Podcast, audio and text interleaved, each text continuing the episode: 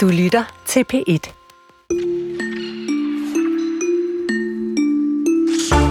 Mange kan nok huske tv-vært og skuespiller Pelle Venegård fra hans gennembrud i Bille August-filmen Pelle Erobran, altså den fra 1987, hvor Pelle medvirkede som 11-årig. Selv forbinder han særligt tiden efter optagelserne med en særlig form for øh, tomhed. Her er der et kæmpe behov for støtte til de børneskuespillere, siger han. Blandt andet om sig selv, men også om andre børn, der medvirker i produktioner. Og det er for at, som man siger, holde flyveren på vingerne. Kulturens anden time fortsætter med afdækningen af børneskuespillersagen, hvor vi om lidt får besøg af Pilo Asbæk. Han har selv taget kampen op for bedre børnevilkår i branchen. Og et helt andet sted i tv-branchen, der har en kæmpe stor fastfood-virksomhed siddet og udtænkt, at de gerne vil lægge billet ind på underholdning og have en egen fiktionsserie.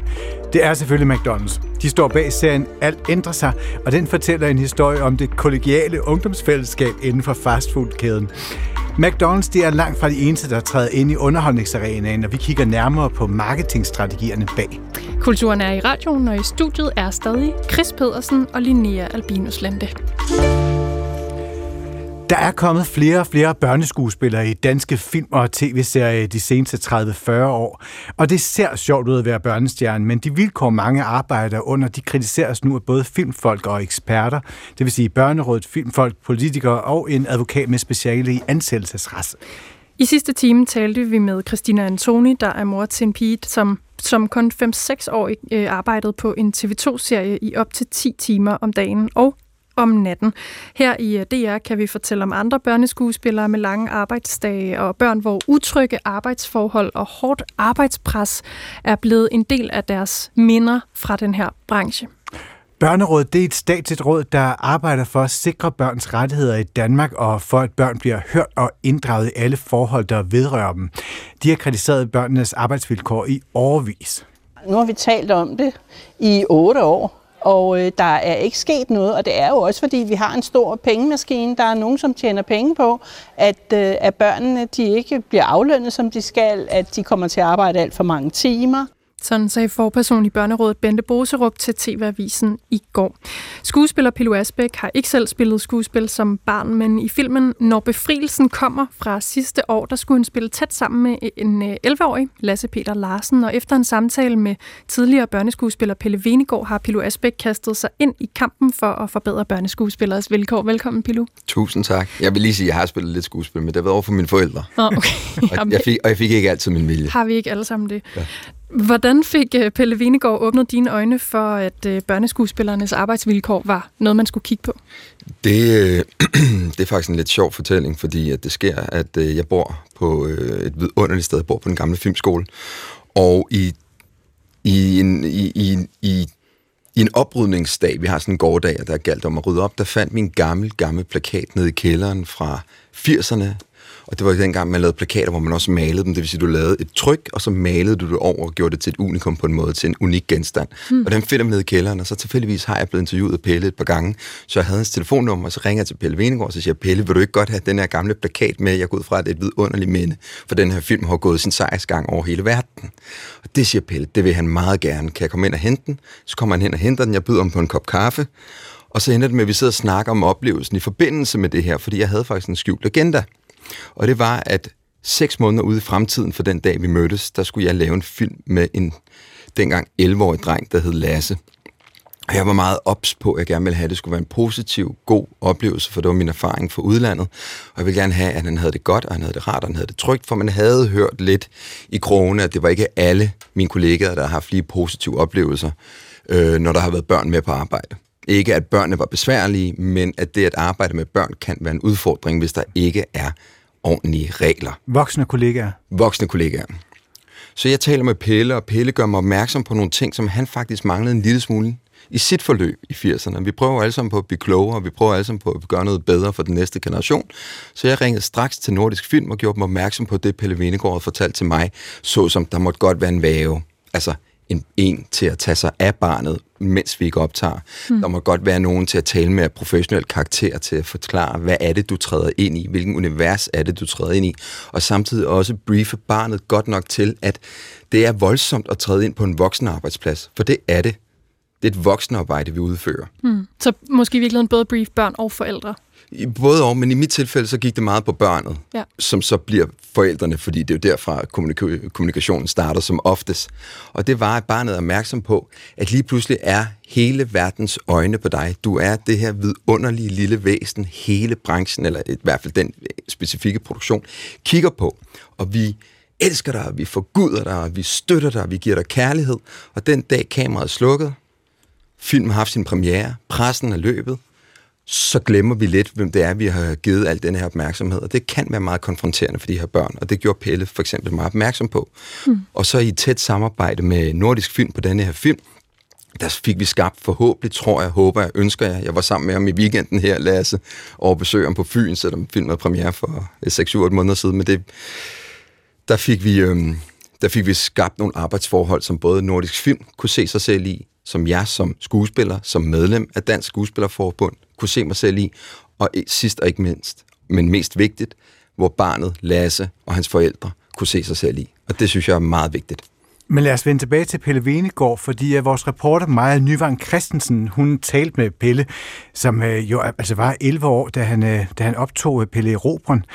Pelle Venegård, han står ved en børnepool på et hotel i Sydafrika, og derfor har vi den her lidt pussy baggrundsstøj. Og Pelle Venegård, han fortæller om sin samtale med dig, Pilo Asbæk. Jeg tror bare, vi snakkede om, hvordan det havde øh, været for mig, det her med at, øh, at pludselig blive jo ekstremt berømt i en, en meget tidlig alder, og, og, øh, og skulle takle det, og takle det, at der ikke rigtig kom nogen tilbud bagefter, og øh, hvor svært det i virkeligheden øh, havde været.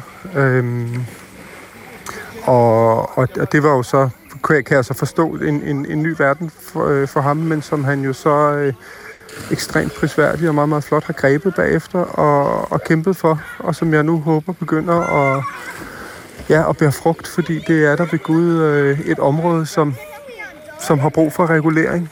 Altså, det er meget sjovt. Øh, jeg tror, der, der, der var en, der kontaktede mig her inden for det sidste år, øh, fordi hans, jeg mener, der var hans datter, øh, der var ved at få en stor hovedrolle i en stor tv-serie. Og de var bare, ham og moren, enormt meget i tvivl, om det var en god idé, for hun var ikke særlig gammel. Jeg tror, hun var på cirka samme alder som mig, sådan 11 år, som da jeg spillede Pelle Roberen. Og så havde de sådan øh, besluttet sig for at kontakte mig, for de tænkte, jeg har jo været der, og, og for at få mit syn på det. Og, øh, og der gav jeg ham, altså sagde, jeg kan godt give dig den korte version. Og den er helt barsk. Vil du sætte din datter op i en flyver, hvis, du var, hvis der var 50% chance for, at den faldt ned? Vi kan også sige 10%. Men det er, sådan, det er den korte version, så kan det nuanceres meget mere, det billede. Men det er jo, hvis du bare kigger rent statistisk set over, hvordan det går barneskuespillere eller børnestjerner, øh, så falder der altså rigtig, rigtig mange flyvere ned. Og jeg tænker, hvis det var stilagsarbejdere, der havde samme statistik, så var det jo forbudt at overhovedet sætte stilaser op. Øh, og det er jo bare vildt, at det område har været så, så ureguleret, især fordi det er børn. Og det var altså Pelle Venegård, der sammenligner en børneskuespillerkarriere med en flyrejse, hvor der er 50% risiko for at styrte ned. Det er altså ikke gode odds. Øh, Pilo, du, du er 41 år gammel. Jeg bliver 42 nu her, ja. Ja, altså du har jo arbejdet på, på mange filmer i mange år efterhånden. Har du været blind for det her problem indtil 2022, da du medvirker i Når Befrielsen kommer? Altså, jeg synes ikke rigtigt, at man kan klandre mig for ikke at være bevidst om noget, som jeg ikke har stiftet bekendtskab med før. Øhm, jeg synes også, man skal passe på med at hive en masse glemte sager frem, og lige pludselig vise vores beskidte undertøj til Gud og være mand, og sige, at det her har været en, en sandhed i branchen. Der er ingen tvivl om, at der er nogle grofulde eksempler, men der er også en masse eksempler af succesfulde historier. Og det skal man også huske i denne her dækning, at der er også nogle børn, der har haft det fantastisk. Men det frakender intet af det, Pelle lige står og siger. Og jeg elsker, at han står i en poolkant med børnene, skrin og gråd og alt det der baggrunden. Men jeg synes ikke, jeg har været blind. Jeg synes, de film, jeg har lavet, det har været nogle film, som jeg har lavet i samarbejde med blandt andet Tobias Lindholm, som har været ærkabring og krigen og Borgen og 1864 og hvad ved jeg, 9. april og så videre, Simon øh, Spis og Klistrup. Jeg har prøvet at være i vælten. Jeg har prøvet at spille Simon Spis. Det var hårdt sidste år, kan jeg fortælle jer. Øh, jeg har ikke spillet sammen med børn. Jeg har heller ikke rigtig lavet børnefilm. Så jeg var ikke klar over, hvor grædt det egentlig stod til. Så har jeg jo så talt med mine kollegaer efterfølgende. Men jeg startede jo med det her helt egoistiske årsag. Jeg startede det, fordi jeg gerne vil have en professionel arbejdsplads. Jeg vil gerne have en arbejdsplads, hvor der er fuldstændig rene spilleregler for, hvilken kasket har man hver især. Produktionen har et ansvar for, at de mennesker, der arbejder, har det godt. Det er produktionens ansvar. Det har jeg som ansat på den her produktion, ligesom på en almindelig arbejdsplads, et medansvar for, at det er et sundt, trygt arbejdsmiljø. For jeg ikke skal stå og være en barnepige for et barn, hvilket jeg gerne vil være, men lad os være ærlige, jeg kan måske lave en masse børnefilm nu her de næste 10-15 år, fordi nu træder jeg ind i et nyt kapitel af mit liv, der hedder onkel, far, den sjove fætter, eller whatever. Det er på grund af min alder. Så begynder jeg til at arbejde mere og mere med børn.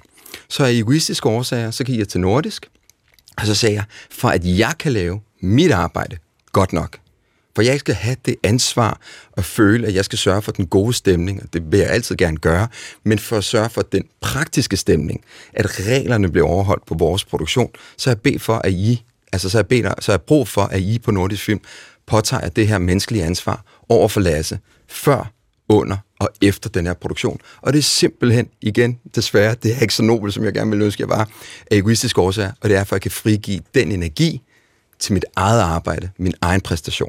Pilo Asbæk, i 2016 udgiver Børnerådet en rapport om børns oplevelser i underholdningsbranchen, og det er altså underholdningsbranchen bredt set, men jo blandt andet også film- og, og tv-serieproduktioner. Mm-hmm. Den her rapport beskriver, at børn har urimeligt lange arbejdsdage og planer, der skrider, sådan, så det går ud over nattesøvn, skole og børnenes sådan, sociale relationer i det hele taget. Mm-hmm. Har branchen været blind for, for, for de her sager? Ja. Jeg synes, at den har været blind i den forstand, at det har været tilbagevendende problemer. Vi står nu her syv år efter og diskuterer noget, som der kunne være diskuteret og gjort noget ved for syv år siden. På den måde har branchen været blind for det. Men det har også en branche, der er, at vi er freelance. Det vil sige, at vi opererer med mange forskellige produktioner, med mange forskellige mennesker øh, på årlig basis. Vi er ikke på den måde en stor samlet familie, men er hver sin egen lille ø. Og det gør også, at når der er en uhensigtsmæssig opførsel, som man oplever, blandt andet med MeToo i tidernes morgen, og jeg vil ikke sammenligne de to ting, for de er jo sammenlignelige. Måske tavshedskulturen kan vi diskutere, men den mm. kan vi tage bagefter. Øhm, så har man accepteret dårlig opførsel i nogle situationer, hvor det er helt aldeles uacceptabelt. Og øhm, det er jo desværre ulykken med at være freelance og ikke være, være fastansat på en arbejdsplads, hvor man stifter bekendtskab og nære relationer til sine kollegaer år efter år efter år. Så man har kunnet slippe afsted med lidt, øh, lidt øh, uhumsk opførsel i men krogene. Men man kan sige, at freelance-tilværelsen, det er jo for skuespilleren. Det er jo egentlig ikke nødvendigvis for producerne, som meget ofte er ansat. Fordi producerne ansætter skuespillerne, og skuespillerne og Men producenterne og, er jo på, på filmselskaberne, ikke?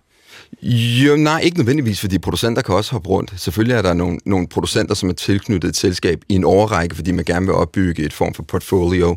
Men som udgangspunkt, så er branchen bestående af freelance kræfter, og dermed er det også svært at samle op øh, på dårlig opførsel, fordi man er videre, man er hoppet videre til den næste sten, og den næste sten, og den næste sten.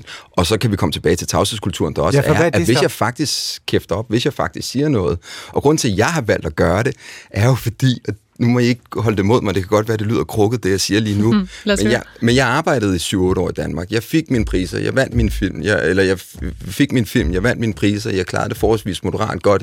Jeg tjente nogle penge, og jeg fik lov til at komme til udlandet, fordi jeg var bange for, at jeg kunne blive ved med at underholde danskerne til evig tid, hvis jeg blev ved med at producere det samme, og det gennemskudde mit talent, og hvor dårlig jeg egentlig var. Så jeg søgte til udlandet, og har været i udlandet de sidste 8 år.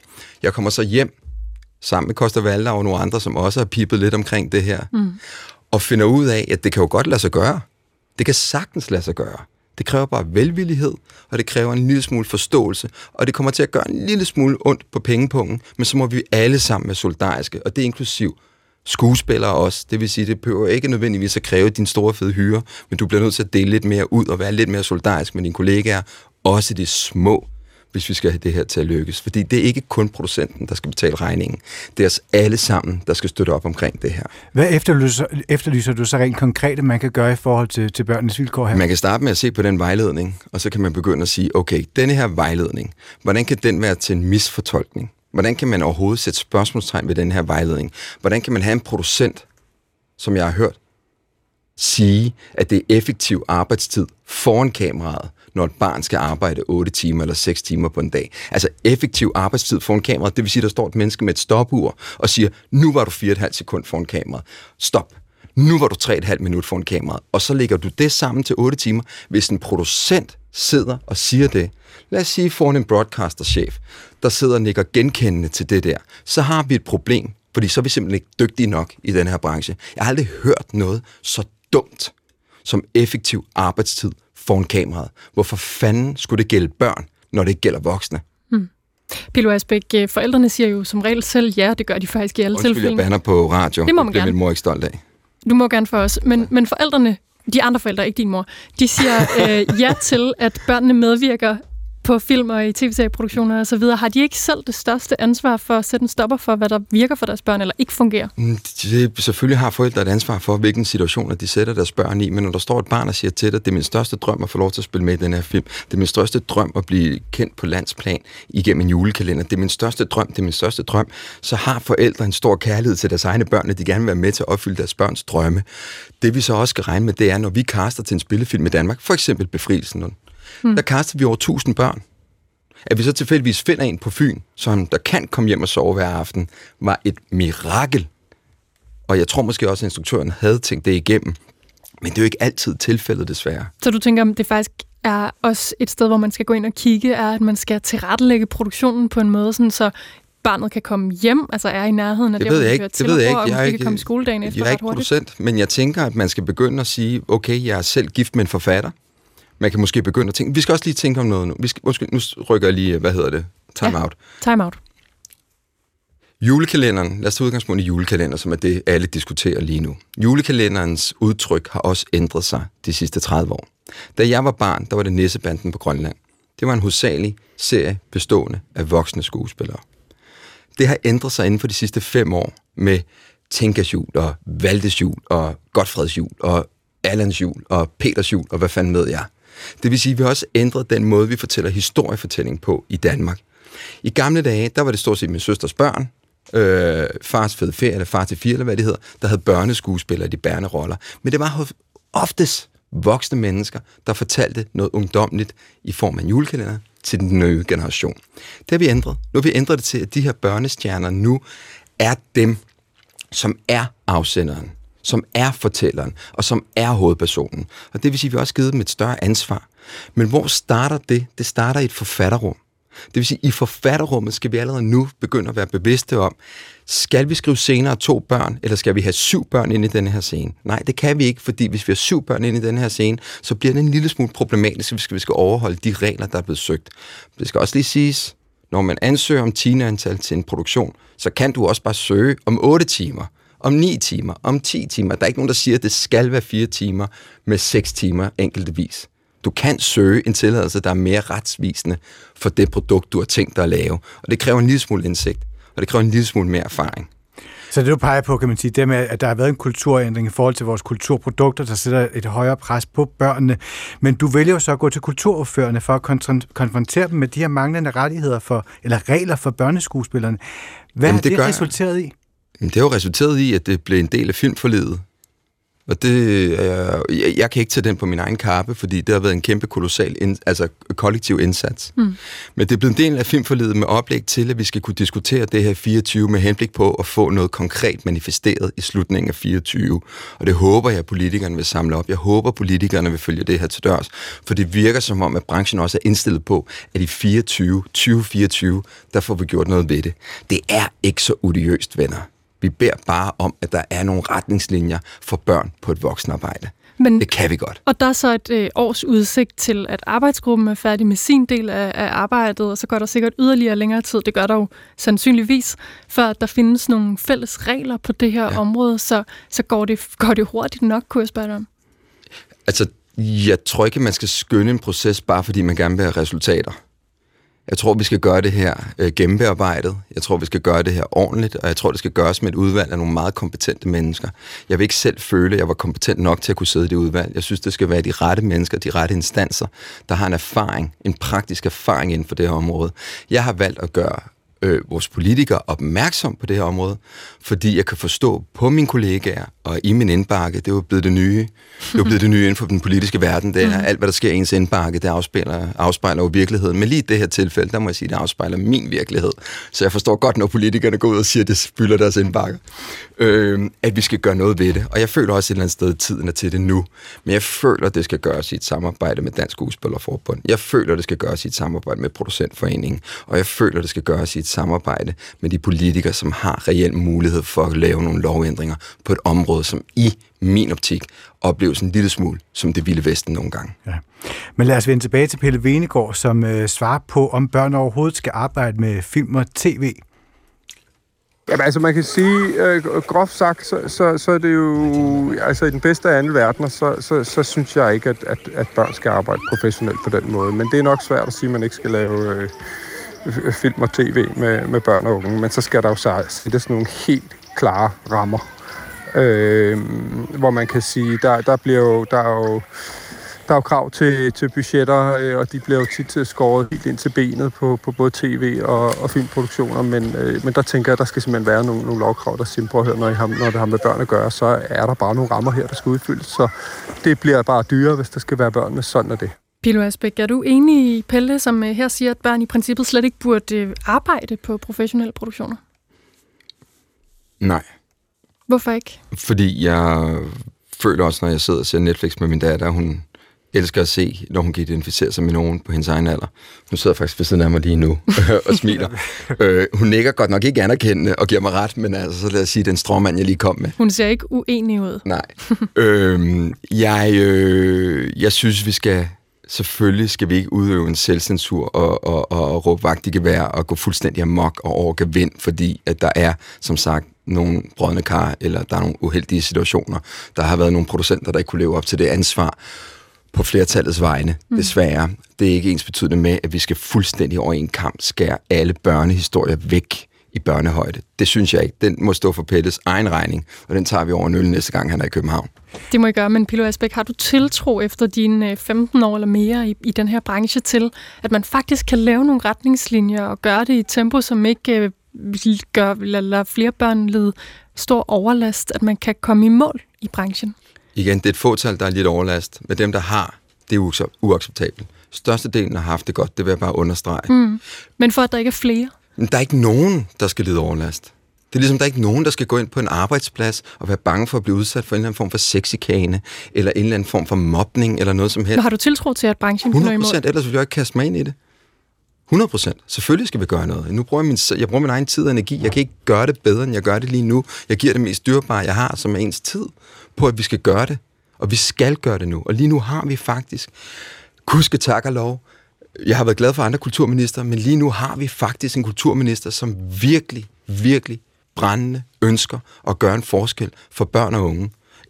Også inden for musikken, også inden for alle mulige andre områder, og også inden for film og tv'ens verden. Og jeg vil lige sige, jeg synes også, ærligt talt, det her det er jo ikke enkeltstående for vores branche. Der er masser af andre mennesker, der har benyttet sig af børnearbejde i nogle situationer, hvor de ikke skulle have gjort det i underholdningsindustrien. Jeg synes også for eksempel, ærligt talt, jeg synes det er, jeg, ja, det er en lang diskussion, men jeg synes også, det er ret voldsomt, at man kan benytte sig af sine børn på sine sociale medier, og så sælge produkter. Det synes jeg faktisk er vildt. Mm. Men det, er en, det handler det er en anden, Jeg ved godt, det er en anden diskussion, men det er også en diskussion, man skal tage på et tidspunkt, og det er ikke, fordi jeg er blevet nyreligiøs eller poetansk, eller skulle rundt med en moralsk pegefinger rundt omkring og stikke den op i snuden på snotten på folk. Men jeg synes faktisk godt, at vi må diskutere ting. Så kan det godt være, at der kommer en ændring, men det er ikke et angreb. Mm. Men vi må godt invitere til en diskussion om, hvad vil vi som land? Hvordan vil vi behandle den næste generation? Og ved du hvis vi ikke kan gøre noget ved klimaet, så må vi fandme gøre noget for børnearbejde i dansk film. Pelle Wiengaard, han påpeger også det her med, at produktionerne de bliver dyre, når der er børn med. Og det er altså for en branche, der har fået flere støttekroner, men som altid er presset økonomisk. Kan det, er jo kulturen, lave... det er jo kulturens lod jo. Det er jo ikke kun inden for min branche. Men kan man lave film, hvis man skal til at bruge flere penge på at have børn med? Men så, det er jo det, jeg siger. Det er derfor, jeg faktisk kommer med nogle bud på, så bliver vi nødt til at tænke det ind i manuskriptet til at begynde med. Vi bliver nødt til at tænke, hvordan kan vi lave de her scener? Hvordan kan vi lave den her historie, så det rent økonomisk hænger sammen? Og så må vi alle sammen solidarisk putte noget i kassen. Det vil sige, hvis vi skal tage den her op i Dansk Skuespillerforbund, og vi vil have, at børnene skal have nogle rettigheder, så handler det også om nogle økonomiske rettigheder. Av, det betyder, at måske skal de til at have noget filmix. Det var noget af det, som jeg har nyt godt af. Øh, jeg fik ikke meget for borgen, men jeg har fået meget i rettighedspenge. Gud skal takke lov for det. Øh, dem skal jeg jo så også kunne begynde at se, okay, der må jeg udvise en større generositet, men det er ikke alle, der har haft den samme check, som jeg har. Så det er jo en diskussion, man skal tage inde på Dansk Skuespillerforbund, hvor vi finder ud af, hvordan kan vi os medlemmer se hinanden i øjnene, men så sandelig også børnene i øjnene, så vi sikrer os, at de har en god, positiv oplevelse. Og nu har du arbejdet i udlandet. Er der ja. erfaringer derfra, som du synes, man skal tage med hjem? De er sgu også nogle banditter, mange af dem. Men du sagde, at du trods alt havde fået øjnene op for det, efter du havde arbejdet i udlandet og kom tilbage ja, til det er fordi lige nu, der laver jeg faktisk en kæmpe amerikansk tv-serie hvor min, øh, for Apple Plus, hvor min medspiller er en, en... Hun er 12 år, men ligner en på 8, fordi det er jo også det, man gør. Man, man kaster jo oftest nogen, der er ældre, men ser yngre ud, fordi de er mere medgørlige og kan instrueres på en anden måde, osv. osv., osv.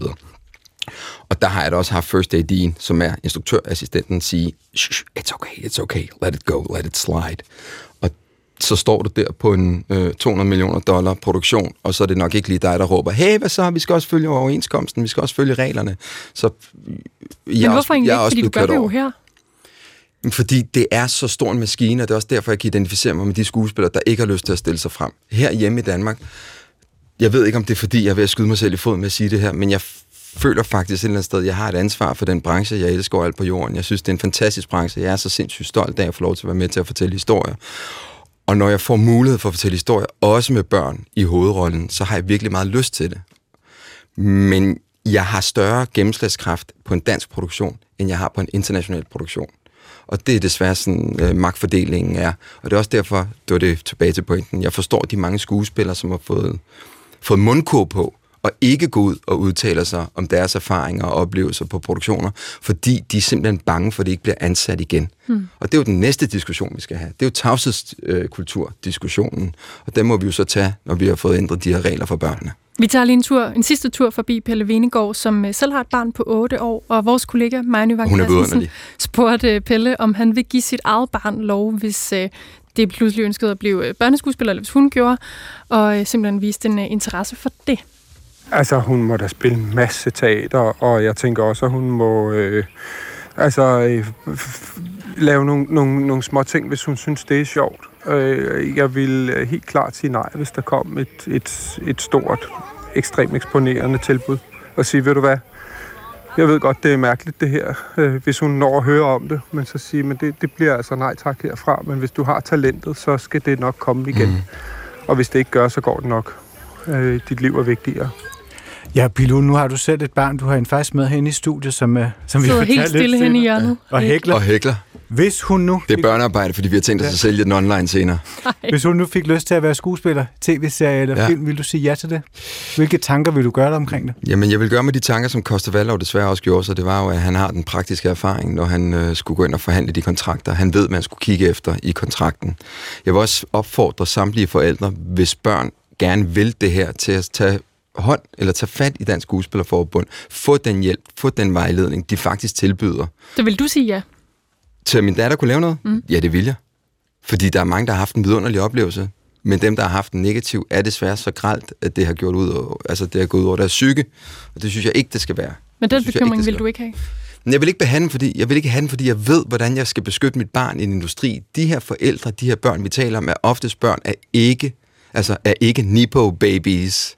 Altså det er folk udefra, som ikke ved, hvad det er for en verden, de stifter bekendtskab med. Og det er igen, vi beder børn og unge om at udføre et voksenjob. Der, at det er sindssygt hårdt at indspille en film. Det er sindssygt hårdt at lave en julekalender eller en tv-serie på 4, 5, 6, 7 måneder med daglige arbejdsdage på 8-12 timer, og så går du hjem og laver replikker. Det er ret udfordrende. Mm. Det er så også derfor, man kan få en god hyre nogle gange, men det er udfordrende. Og det, at vi konsekvent igen og igen beder børn om at løfte den arbejdsopgave, og ikke giver dem de værktøjer, det kræver, synes jeg er ret sindssygt. Men hvis så et barn, der virkelig gerne vil være med i en film eller en tv-serie, har forældre, som ikke kommer fra den kreative industri, ikke har et indblik ind i det her, altså vil du så anbefale mig at sige nej til deres børn? Ved du hvad, de kan få lov til at skrive til mig på Instagram, så skal jeg nok personligt hjælpe med guiden, fordi det har jeg gjort før. Det er apropos den fyldte indbakke. Jamen, ved du hvad, jeg stiller mig med glæde til rådighed for andre mennesker, hvis man kan gøre en god sagstjeneste. Den opfordring er givet videre. Tusind tak for, at du kom. Pilo Asbæk. Vi har øh, tak, meget mere om børneskuespillers vilkår i morgen, hvor vi blandt andet kigger på, hvorfor børn ikke får de samme rettighedspenge som deres voksne kolleger.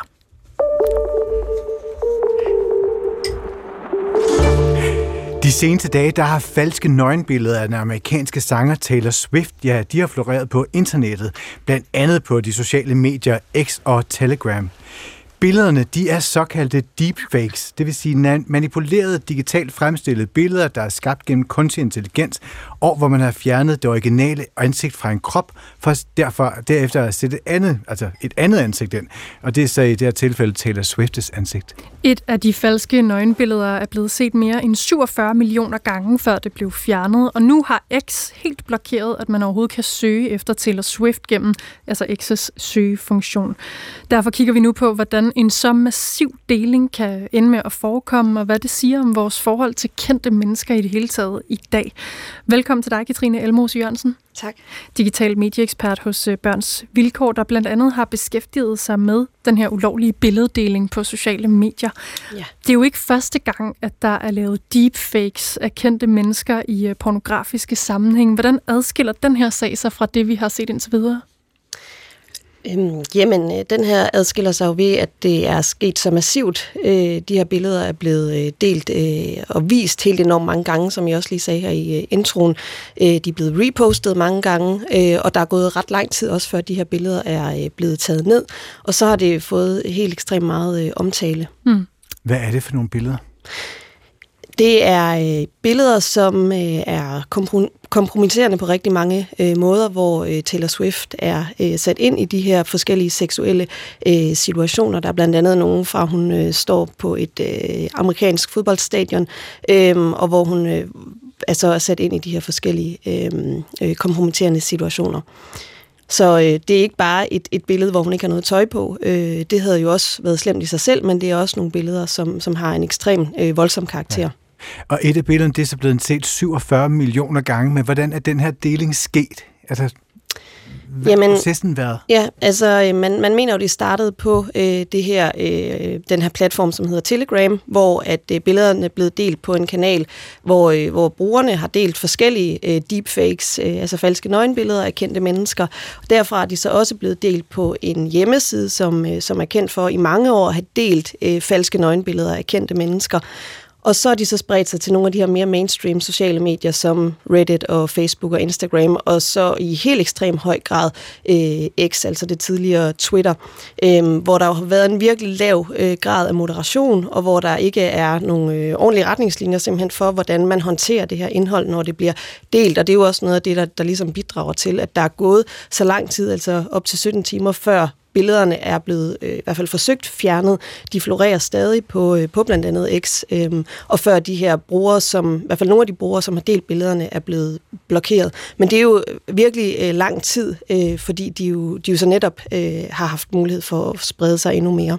Katrine, jeg tænker, når de er så ekstreme, som de er, de her særligt det billede, der er blevet delt øh, 47 millioner gange, er det så ikke for de fleste trods alt gennemskueligt, at der nok ikke er tale om et ægte billede?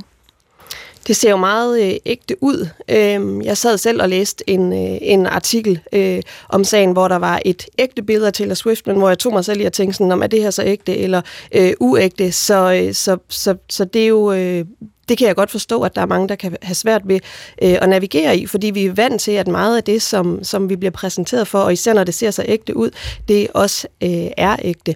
Øhm, men, men, men problemet er jo sådan set også, altså, at, at, at, at det er det ikke, og, øh, og, og, og der er ikke blevet givet samtykke til, at de her billeder de skulle deles.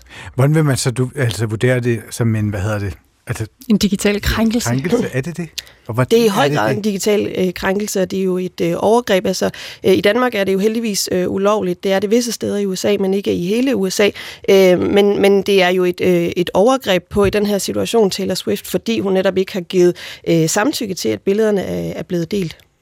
Nu har X som sagt jo så valgt at forhindre, at man overhovedet kan, kan søge efter Taylor Swift på X og gennem deres søgefunktion. Hvad tænker du om den beslutning?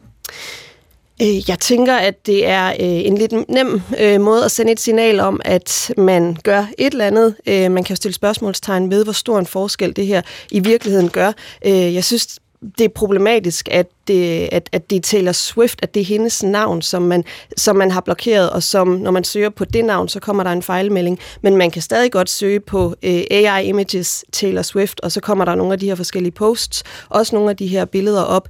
Øhm, hun er jo alt andet end de her billeder, kan man sige. Så hvorfor er det lige præcis hende, øh, der skal blokeres? Øh, det, det, det er et, endnu et eksempel, som jeg ser det på, at de her tech-virksomheder, de forsøger at sende et signal om, at de gør noget, og i virkeligheden, så, så gør de meget, meget lidt. Øh, samtidig så bliver det jo også tydeligt, at at, at, at Taylor Swift er en, øh, en stor stjerne, hun er kendt, øh, og så går man ind og laver sådan en, en, øh, en enkel øh, lille regulering, som øh, jeg tvivler på, hvor, hvor stor en effekt den, den har, men, men i hvert fald så giver det udtryk for, at de gør noget i den her specifikke sag, men det der er brug for, det er jo nogle bedre retningslinjer og en meget bedre moderation i det hele taget, øh, så, så de tusindvis af mange andre personer, som oplever de her øh, krænkelser øh, hver dag, de også bliver bedre beskyttet. Og Katrine Elmos Jørgensen, lige præcis det, du siger om øh, store stjerner, det kigger vi lige en øh, lille smule nærmere på, men du bliver selvfølgelig stående.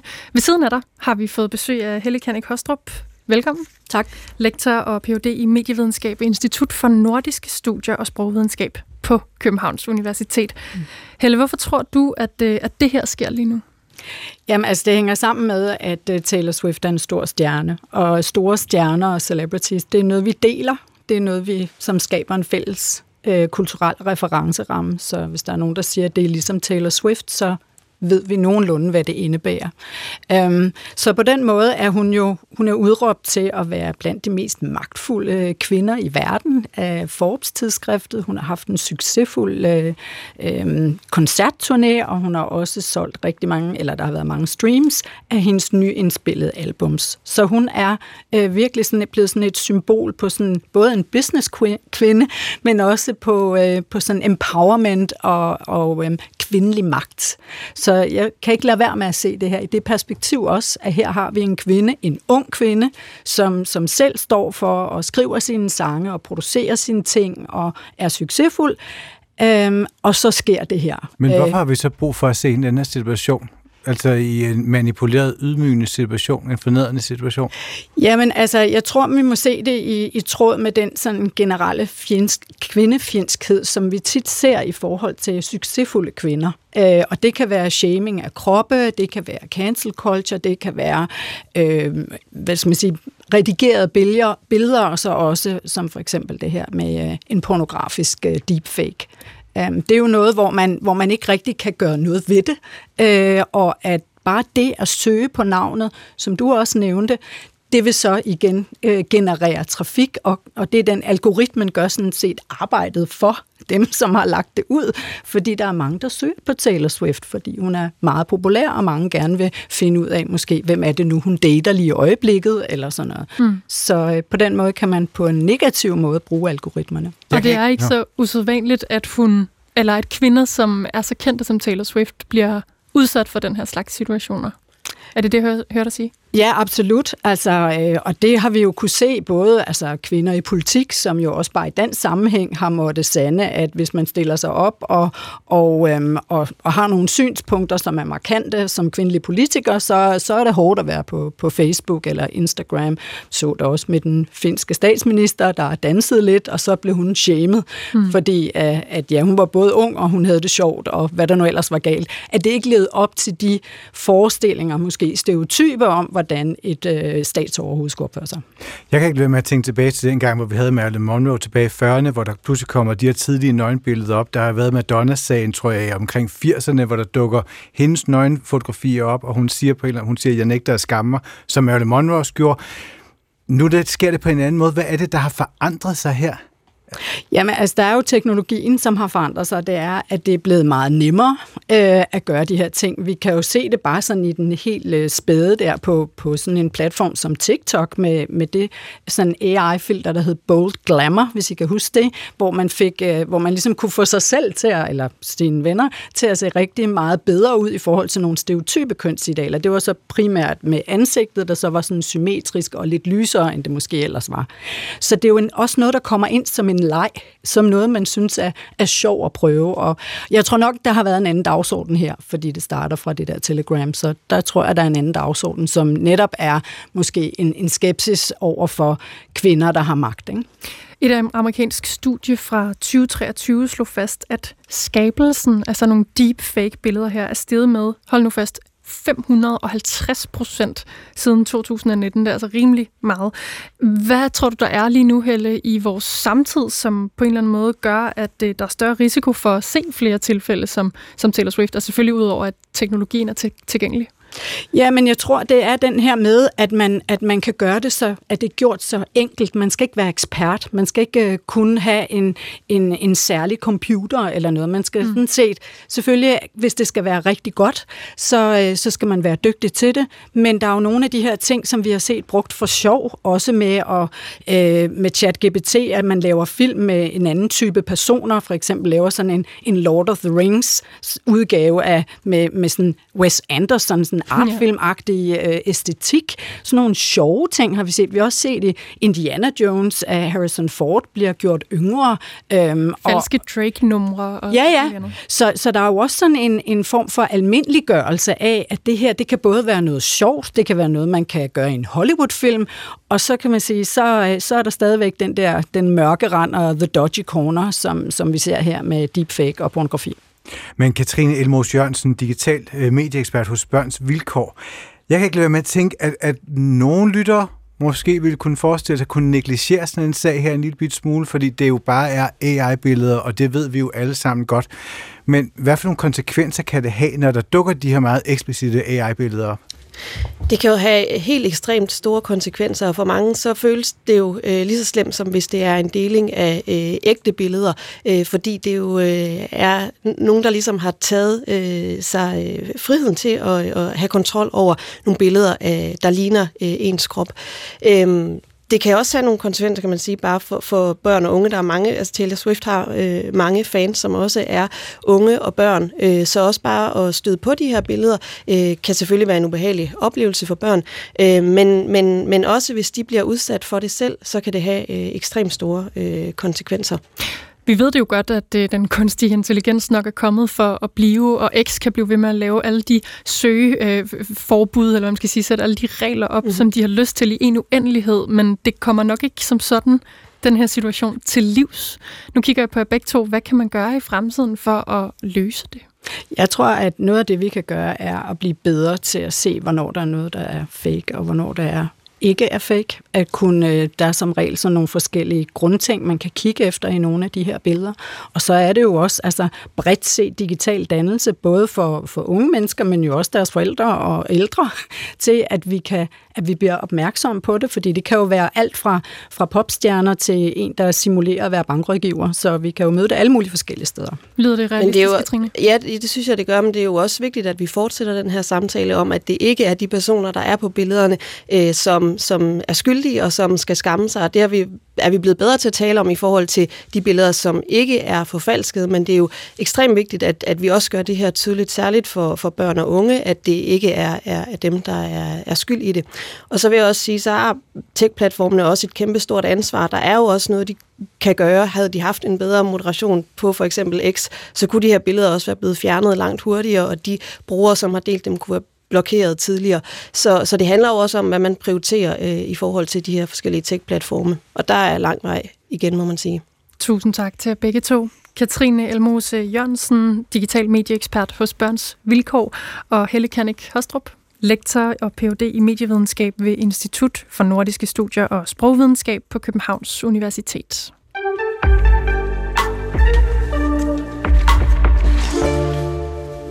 Og så har McDonald's lanceret en fiktionsserie til unge. Den hedder Alt ændrer sig.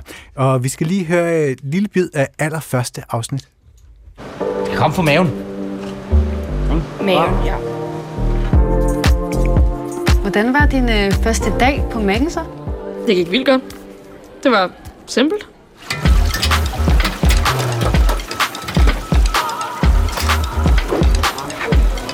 Her er boller, øh, kronen, halen, Ja, og så var han sådan, kronen her og hælen her. Og...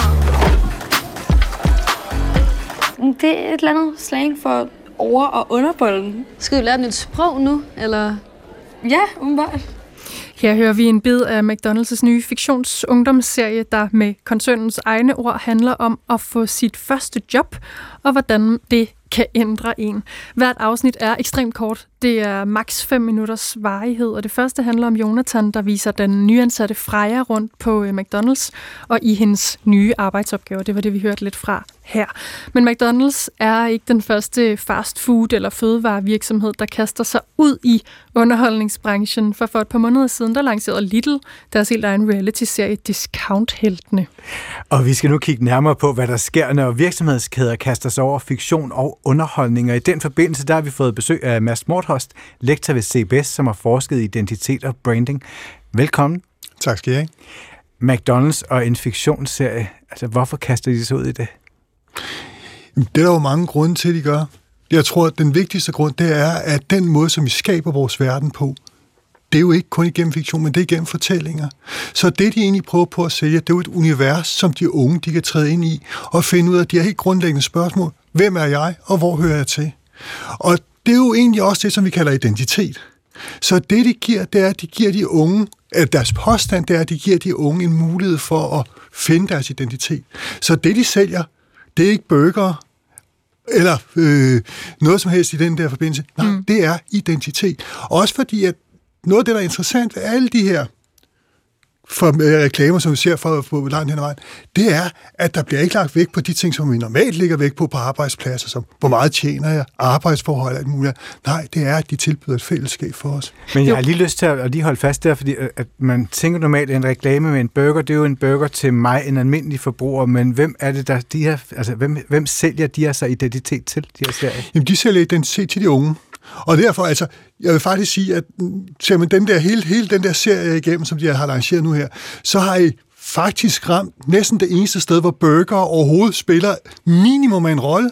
De er forbløffende fraværende i forhold til hele det univers, som de sælger i det her. Så det, de sælger, det er, at de sælger et arbejde, men de sælger først og fremmest at sige, kom herind, ikke for at tjene så mange penge, men for at finde ud af, hvem du er. Så det er den identitet, som de prøver på at sælge. Her er fællesskabet. Her er fællesskabet. Og det, der jo egentlig er interessant, det er, at det har vi set i lang tid. Altså, nu siger jeg, at det er jo helt nyt. Nej, det er det sådan set ikke. Lige så lang tid, vi har haft levende øh, billeder, lige så langt har man solgt fortællinger igennem de her, øh, altså fortællinger igennem. Altså, hvis vi går tilbage til 50'erne, og nogle af de første danske store, øh, store biografreklamer og sådan noget, så var der nogle fantastiske fortællinger. Der var en om en Vitalius øh, Sørensen, som reklamerede for Ota Solgryn, og der var der over 35 afsnit, så vidt jeg husker, der forløb over 8 år eller sådan noget i den stil. Så hele tiden udviklede sig, og vi kender jo også sådan fra vores senere, når tv-mediet bliver reklamet, hmm. så kender vi Paul for Snæve. Det, der jo så også er i dag, det er to forskellige ting. Det er, i dag er det nettet, de sociale medier, der er inden for det, og så noget andet, de sælger. Det er ikke produktet, men det er identitet. Okay, så du sætter faktisk lighedstegn mellem de reklamer, som man klassisk ville kende fra biografen, inden filmen starter, og mellem to programmer på tv, og så det, som McDonald's har lavet nu, som er sådan en fiktionsserie, de pakker lidt anderledes ind. Det andet var også serie, Paul for Snæv var også en serie med forløb. Så langt hen ad vejen, så er der lighed i det. Selvfølgelig er der også store forskelle i det men det siger jo noget omkring, hvordan hele det her felt med identitet, det er gået fra at være noget, som vi tidligere bare sagde, gå ud og køb en mobiltelefon, eller køb noget solgryn, eller køb en burger i gamle dage, ja. altså, til lige pludselig så handler det her også om vores arbejdsplads inden for de her ting. Og der har vi jo set nogle virksomheder komme på banen, som vi ikke tidligere har set. Altså, jeg ved ikke, om jeg må komme ind på en anden virksomhed, mhm. dansk mm. virksomhed, inden for, for de her ting, som jeg synes er super spændende. Det var for nogle år siden, så lancerede Mærsk. Ej, jeg stopper dig lige med, og du må meget gerne sige noget om det, men vi vil bare lige spille, uh, spille lidt lyd fra det, du vil sige først. Skal vi ikke lige høre? Nej, hvor hyggeligt. Ja, uh, den hedder Together All the Way, det vi skal høre nu.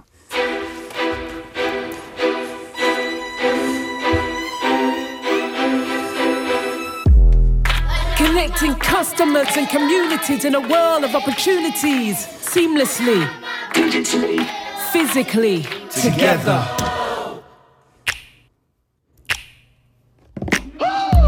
Og så fortsætter det nogle minutter endnu, sådan her en musikvideo-lignende kampagnefilm, altså fra Mærsk, som du sagde, fyldt med buzzwords om handel, som Mærsk angiveligt øh, gør mere altså simpelt, digitalt, synligt, sporbart, fleksibelt, alt muligt andet.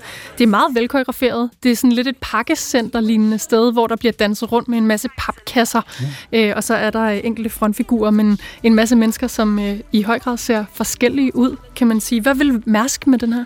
Ja, de ser meget forskellige ud. Vi, vi kan se alle forskellige etniciteter, alle forskellige raser, og så videre. Og nu kan man sige, at noget af det, som de også synger i den der, nej, vi er ikke en virksomhed, vi er en bevægelse, som handler om at finde ud af, hvordan fremtiden skal være, om der er diversitet, om regnbueflag og det hele. Og jeg tror, for de fleste af os, der tænker mærsk og tænker rettidig omhu, så ligger den her, for at sige det mildt, ret langt væk fra det her. Men det er igen, fordi det, som de sælger, det er igen ikke virksomheden Mærsk, men de sælger identitet. Altså, og så, siger, ved... så, siger de, så siger de, dem som de ligger og konkurrerer med her, de markeder, som de ligger og konkurrerer med her, det er jo ikke det, det er ikke folk, der skal ud og sejle, eller det blå Danmark, som man nogle gange kalder Nej, dem som de ligger i konkurrence her med, det er virksomheder som Meta og andre store tech-giganter, hvor det jo også netop handler omkring, hvad skal vi i fremtiden? Så det handler om, at de siger, hvis du gerne vil finde ud af, hvem du er, så søg ind på Mærsk, og så kan vi give dig de her ting. Og vi vil tiltrække unge, der har svært ved at finde ud af verden, men fra hele verden. Og altså, da den her video den kom ud for nogle år siden, så tror jeg, det samlede danske øh, panas af brandrådgiver og sådan noget der, de var enige om en stor fordømmelse af den her kampagne.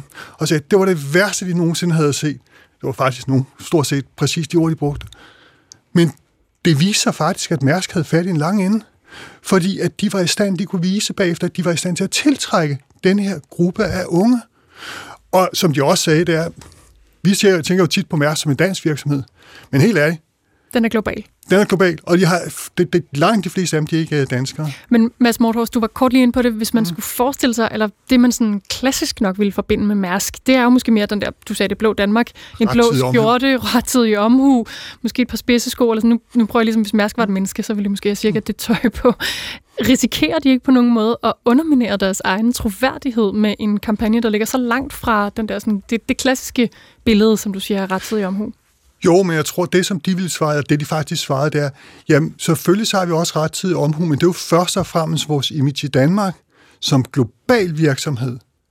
Der er vi noget andet, og som global virksomhed skal vi tiltrække alle fra hele verden, unge fra hele verden, som er de højst uddannede, de mest teknologiske nørder, vi finder, som gerne vil noget sammen med os. Og de er ikke bare interesserede i job, de er interesserede i et projekt, så de siger jo også, altså, hvilket jeg synes er noget sludder, sådan indholdsmæssigt, men de siger, vi er ikke en virksomhed. Nej, vi er en bevægelse, der handler om fremtidens øh, grønne planet og sådan noget.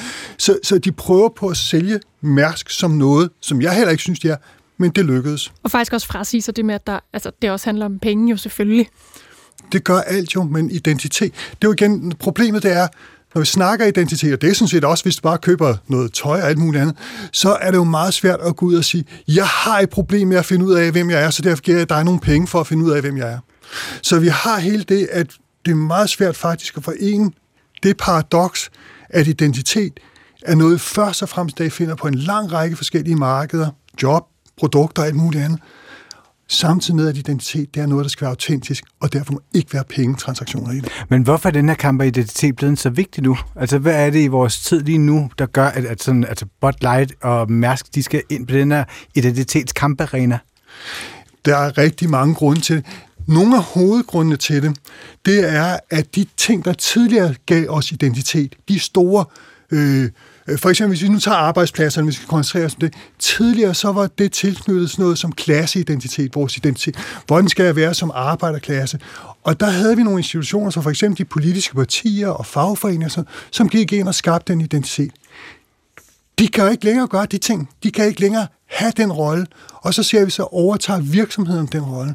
Nationalstaten kan ikke længere spille rollen som gatekeeper for national identitet, fordi vi har haft globalisering og så videre. Er det ikke farligt for virksomheden at pludselig skulle indtage den her rolle som den store identitetsskaber?